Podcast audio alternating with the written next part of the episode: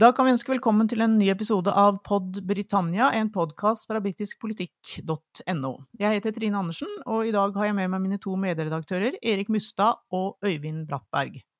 I dag skal vi nok en gang snakke om brexit, dvs. Si vi skal snakke om hvordan forholdet mellom EU og Storbritannia er nå snaue tre måneder etter at overgangsperioden er over, og britene er helt ute av EU. We shall never surrender. The pride in who we are is not a part of our past. It defines our present and our future. The people of Scotland have spoken. England, Scotland, Wales, Northern Ireland, together, taking us forward, unleashing the potential of the whole country. Order! Ja, det var altså på julaften i fjor en gledesstrålende Boris Johnson kunne fortelle at nå var denne brexit-avtalen i havn, og i romjula så ble den ratifisert eller godkjent i det britiske parlamentet, men den er ennå ikke ratifisert av EU, og det er vel heller ikke satt noe dato for det. Eh, er det riktig å si, Øyvind, at dette forholdet mellom EU og Storbritannia sånn rent politisk ikke akkurat har blitt bedre de siste månedene? Det er mange sider ved det, ved det, forholdet, og mange trøblete sider ved det. Jeg tror kanskje vi gjør klokt i å, å zoome inn på selve eh, handelsavtalen, og hva den så langt har ført med seg, og hva slags utfordringer man står overfor i å, å forvalte den, den, avtalen. Og eh, Hvis man ser nærmere på det, så er det jo noen ganske illevarslende signaler foreløpig, i form av sterkt fallende handel mellom, eh, mellom Storbritannia og, og, EU. Både på eksport og import for Storbritannia sin, eh, sin del. Betydelige uløste utfordringer for finanssektoren, som også er et, et viktig poeng å ta opp. Og, og, vedvarende uløste spørsmål knyttet til Irland og den nordirske grensen. Så Det er jo det som på et vis er litt eh, tragikomisk her. At man har først brukt disse årene på å fremforhandle hvordan man skal komme seg ut, og hva det framtidige forholdet skal være tuftet på. Og Så setter man, man i gang å praktisere utenforskapet, og så viser det seg jo at vi fortsatt står oppe i det. Det er ikke sånn at brexit på noen måte er, er avsluttet. Eh, det er mange uløste spørsmål og utfordringer. Og, og, hvordan forholdet på lang sikt vil se ut, er fortsatt et, eh, et, åpent spørsmål. Det eneste man kan si med sikkerhet, er at Storbritannia ikke lenger er med i EU, og at det åpner en del muligheter, men bestemt også en rekke eh, utfordringer som ikke var der i innenforskapet, hvis man kan si det sånn. Ja, Erik, du, du skriver jo en artikkel du, på, du skrev en artikkel på nettstedet vårt eh, like etter at denne brexit-avtalen var inngått, om at brexit kommer vi til å høre om i lang tid framover, og dette er ikke en, en veldig god avtale. Er det det vi nå ser resultatet av? Ja, jeg tror det er riktig å si, som, som Øyvind sier her, at uh, det er veldig mange felter som enda ikke er avklart, selv om Storbritannia er ute av EU. Uh, og at vi vil høre om brexit i veldig mange år fremover.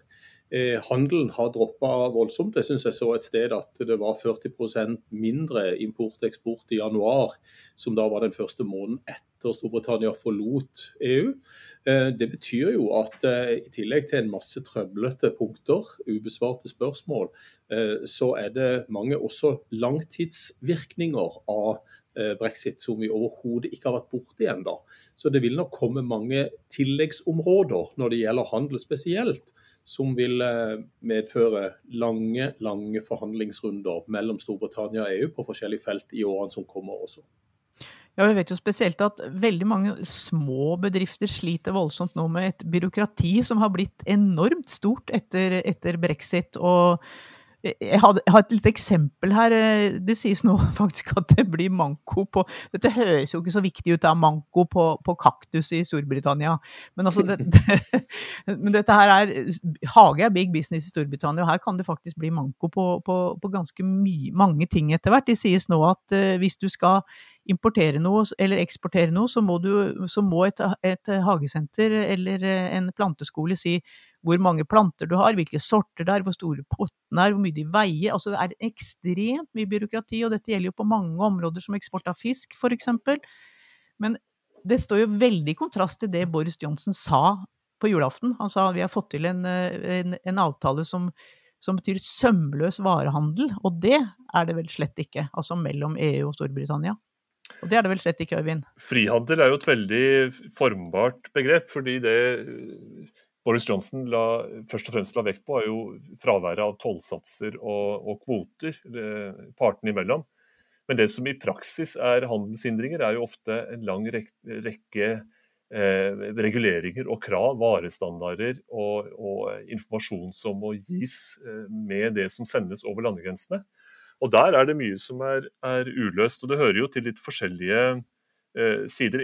Én ting er, eh, er, dette kravet om å dokumentere opphav, at, at vesentligste del av produktet har opphav i eh, Storbritannia og ikke kommer fra tredjepart. Sånn at man ikke kan snike inn eh, billig kinesiskproduserte varer eksempel, via Storbritannia inn i EU. Eh, så er det mye som skal eh, erklæres og tolldeklareres, og som eh, hører til varekjeder som er veldig sårbare i utgangspunktet, hvor forskjellige komponenter skal, skal, sendes kjapt fram til bestemmelsesstedet, for så å skrus sammen. Bilindustrien er et veldig godt eksempel på det, som er rett og slett trøblete. og Det skal ikke så mye til før de store produsentene finner at det er ikke lenger bryet verdt. altså Det er ikke lenger konkurransedyktig hvis man skal møte hindringer på vei over, eh, over landegrensene. Og så er det det svære feltet som handler om, eh, om dels om eh, eh, mat og, og, dels som planter, kaktuser inkludert.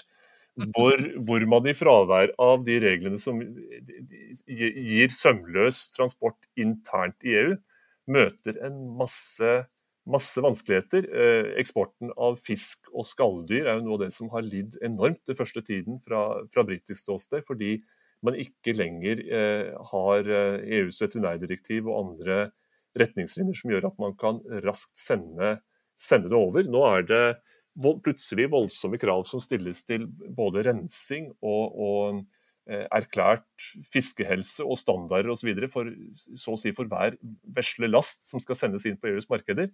Og for det som gjelder produkter som, som jo må sendes og fortæres ganske, ganske raskt, så blir dette veldig, veldig komplisert. Og og britisk fiskeindustri er allerede sterkt skadelidende av, eh, av, av, dette enkle forholdet. Ja, spesielt i Skottland, vel. Det sies at disse skotske fiskeauksjonene f.eks. oppe i Peterborough er nesten ikke-eksisterende nå, på grunn av at de Altså, de, de, det, er, det er som du sier, Øyvind, det er ferskvare. Det kommer rett og slett ikke tidsnok ned til kontinentet på den måten. Det har vært et voldsomt uh, slag for, for, den næringen, og så håper man jo at det skal, skal gå seg til. Men det er jo en, det hører til den veldig eh, skumle måten å, å tenke på, hvor, hvor, man fra britisk side har håpet at, at, pragmatisme gjør jobben. Vi har alle interesse av å finne gode felles løsninger. Eh, la oss, la oss bare se, så, så, skal vi nok klare å, å enes. Det britiske perspektivet er så annerledes fra det som har vært EUs forhandlingsposisjon, som er juss hele veien ned. Eh, og da da nytter det ikke så mye å si at vi skal nok saktens finne en løsning, hvis det som ligger på EUs side er tjukke lovbøker som definerer hva man faktisk kan og ikke kan gjøre. Da blir det, blir det vanskelig å jenke til noe som kan, kan passe. Mm. Og så har vi jo da et, et, et Nord-Irland som da har vært en hodepine så lenge ordet brexit har eksistert. Og, og nå har vi fått mye, mye bråk rundt denne Nord-Irland-protokollen. Erik, kan ikke du forklare enkelt hva, hva, er det, hva er det for noe? Jo, det kan vi gjøre. Eh, det er jo kanskje viktig å tenke at eh, pragmatismen mot lovbøkene også gjaldt eh, grensa mellom Nord-Irland, som enda er britisk, og republikken Irland som EU-medlem. For Da forhandlingene begynte høsten 2016, så ønska jo EU å diskutere dette grensespørsmålet med en gang. Mens den britiske holdningen var at dette finner vi en grei løsning på. Vi ordner dette på en eller annen måte. Eh, mens de, de tjukke lovbøkene som Øyvind nevnte her, som, som lå eh, i stabler eh, til forhandlingsmøterommet i, i Brussel, viste at her ønska EU den tilnærmingen, men Storbritannia ønska en annen tilnærming til dette grensespørsmålet. Og Det har jo ridd begge parter egentlig som en mare, dette, dette grensespørsmålet. og Nord-Irland-protokollen ble jo lavt som et tillegg Eh, til avtalen for å kunne eh, regulere eh, grensa, holde grensa åpen først og fremst. Det var det som var hovedpoenget med Nord-Irland-protokollen. Og at man da de facto lavte en grense i Irskesjøen, slik at man da måtte fortolle varer innad i Storbritannia fra det britiske fastlandet og over til Nord-Irland. Først og fremst Belfast og disse havneområdene på, østkysten av Nord-Irland. Ja, og denne grensa i Irske, Irskesjøen, det er jo den som da skaper en voldsom motstand blant unionistene i, i Nord-Irland spesielt, da, som vil ha den vekk. De vil jo være, de vil jo være likebehandlet med resten av Storbritannia. Men Ja. nå, har, nå, også, nå har vi også hatt en eh, se- Ser vi også at noe som heter Loyalist Communities Council, altså en Vi kan nesten betegne det som et fellesforbund for lojalistiske paramilitære grupper i Nord-Irland, at de har skrevet et brev til eh, både den irske og den eh, britiske statsministeren og sagt at de, så lenge denne, denne grensen i Irskesjøen er der, så vil ikke de respektere fredsavtalen for Nord-Irland. Betyr det, Erik, at, at vi kan få uro igjen i Nord-Irland? At det kan virkelig bli så alvorlig? Det er veldig vanskelig å si akkurat dette, fordi at grensen eh, Det var jo et ønske at grensen skulle være åpen pga. at man skulle unngå eh, bråk i Nord-Irland igjen, og at den eventuelt kunne true fredsprosessen hvis man lukka grensa. Eh, Så fant man da altså den Nord-Irland-protokollen, for den britiske regjeringen sa først at de ikke ønska å eh, å eh, behandle Nord-Irland annerledes enn resten av Storbritannia. Men så ble det allikevel sånn, fordi at den britiske statsministeren og regjeringen ønska å, eh, å, å holde grensa åpen for å unngå eh, noe mer bråk i Nord-Irland og respektere fredsprosessen og langfredagsavtalen eller St. Andrews-avtalen fra 2006. Så, så her er det forskjellige interesser og forskjellige perspektiver og tolkninger av hva som er hva. og Det er jo det som gjør det vanskelig her, også innad i Storbritannia, at det er forskjellige tilnærminger til hvordan denne grensa skal være. Og Nå er det jo dette grensespørsmålet i Irskesjøen som først og fremst har eh, blitt problematisk i, i denne tilpasningsperioden, får vi kanskje si, og med at overgangsperioden gikk ut til nyttår. De fikk på plass en handelsavtale. Den Nord-Irland-protokollen er der, eh, men eh, den blir kanskje ikke full på den måten som eh, EU hadde tenkt. Men Øyvind, nå er det mange slags perioder. Nå snakker vi, først så snakker vi om en overgangsperiode som gikk ut ved nyttår. Nå er det snakk om grace periods, leser vi om i britisk presse, som da Storbritannia ensidig har utvidet. Det skulle gå ut i april, nå er det vel utvidet til oktober. Kan ikke du forklare litt, hva, hva er det for noe? Ja, det er jo satt av noe, noe tid for å la eh, aktørene tilpasse seg det nye regimet, rett og slett. Og eh, det har bl.a. betydd at eh, la, oss si, eh, la oss ta eksempelet supermarkeder, dagligvarebutikker i, i, eh, i Nord-Irland eh, uten videre skal kunne få varer fra det britiske fastlandet uten at det skal tolldeklarasjoner og, og ekstra eh, barrierer til. Inntil videre. Eh, og regimet her skulle jo, altså Det faktiske regimet, slik som det skal fungere på sikt, skulle tre i kraft 1.4, og så har Storbritannia, som du sier, bare bestemt seg for at, eller den britiske regjeringen bestemt seg for at det, vi beholder denne tilpasningsfasen fram til utpå høsten, uansett hva EU måtte mene om saken. For her, her er vi ikke klare for å gå videre i neste, i neste steg. Eh, Det liker ikke EU i det, i det hele tatt, eh, og det kan man jo forstå. Men man kan også forstå at britene står oppe i et eh, veritabelt dilemma her. For vel skal man ha et nytt forhold til EU, og det er knoklete nok.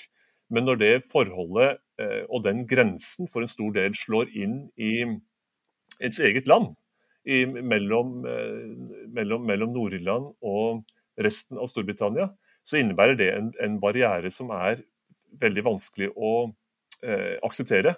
Det at man skal tolldeklarere eh, varer som skal passere Irskesjøen.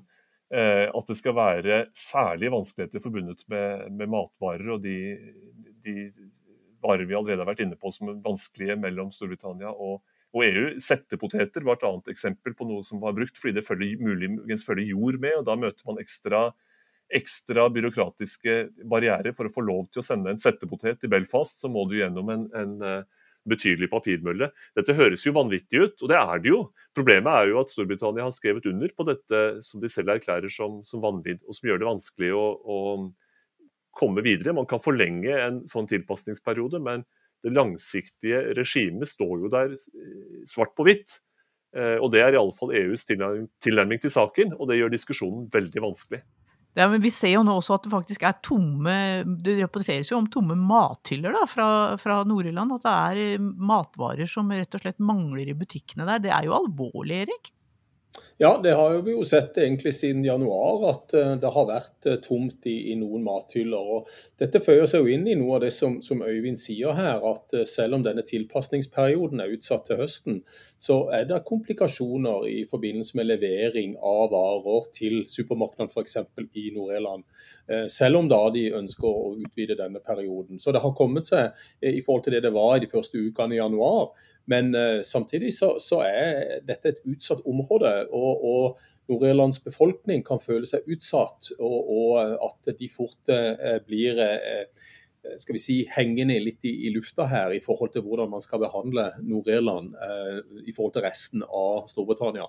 Eh, og dette med at denne grensa da nå går i Irskesjøen og ikke landgrensa mellom Nord-Irland og republikken. Så får vi se hva EU sier etter hvert om dette her, om de åpner videre juridiske eh, eh, handlinger mot Storbritannia hvis Storbritannia ikke kan svare på disse henvendelsene fra EU om hvordan de ønsker den tilpasningsperioden fremover. Så selv om Storbritannia som, som Øyvind sier, har utsatt dette til, til oktober, så er det ikke vi sikre på at EU kommer til å akseptere det. Og nå har jo også eh, Boris Johnson tatt inn David Frost i regjeringen, som altså var forhandlingsleder for Storbritannia under brexit-forhandlingene. Hva slags betydning, eller hva skal vi legge i det, Øyvind, at han har gjort det? Han har jo tatt han inn som en slags eh, brexit-minister, kan vi vel nesten si?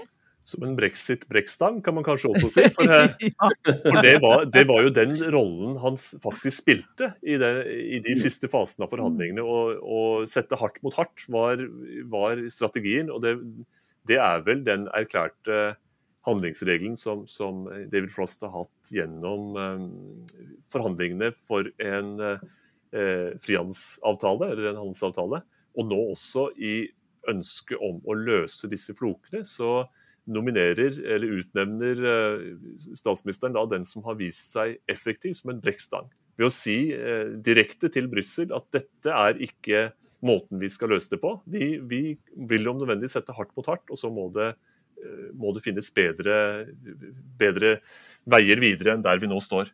Og Det er jo relevant for Nord-Irland-spørsmålet, for det må jo løses.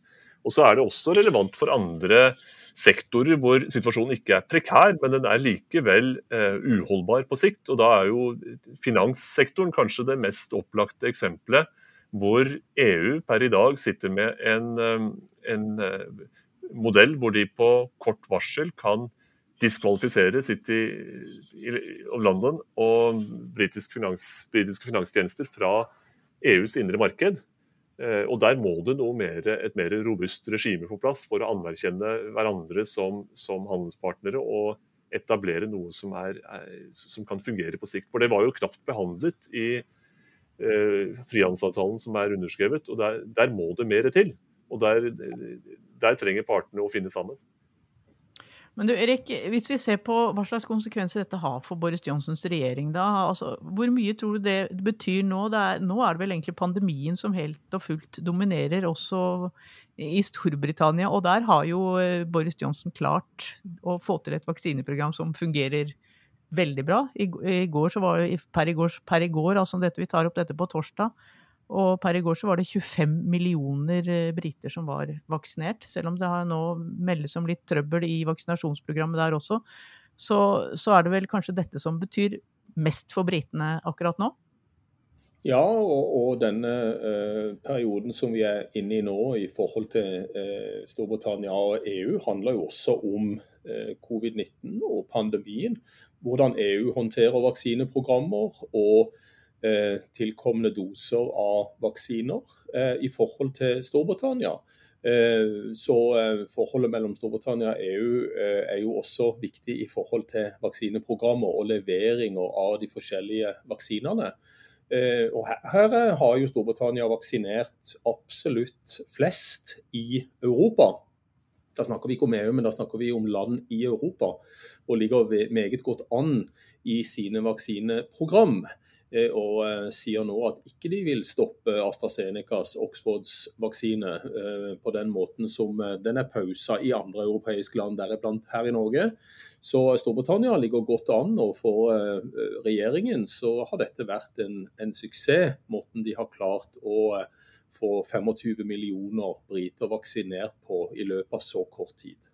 Ja, det ser vi jo på meningsmålingene også, mens Labour så vidt passerte vel de konservative før jul og lå veldig godt an på meningsmålingene i fjor, så, ligger, så nå halter de godt etter de konservative. Jeg så den siste meningsmålingen, så viste det 42 oppslutning for de konservative og 33 for Labour, så det, det, er jo helt tydelig at uh, suksessen med vaksineringen har, har betydd enormt mye for oppslutningen uh, om de konservative og Boris Johnson. Er du enig i det, Øyvind? Tom, en liten sluttreplikk her? Det vil nok være slik at uh, Boris Johnson og den konservative regjeringen vil håpe at det er veien ut av pandemien som vil uh, sitte i folks minne i ettertid, uh, og ikke veien inn i den. for den veien ut er en langt, langt bedre historie for denne regjeringen. og så kan man se på, på brexit som en mye, mye lengre prosess. men pandemien og dens sluttføring er jo det som er i fokus for de aller fleste. Og det ser per i dag ut eh, som en lysere punkt for regjeringen, og lysere i Storbritannia enn i svært mange andre europeiske land. We shall never surrender. The pride in who we are is not a part of our past. It defines our present and our future. The people of Scotland have spoken. England, Scotland, Wales, Northern Ireland, together taking us forward, unleashing the potential of the whole country. Order!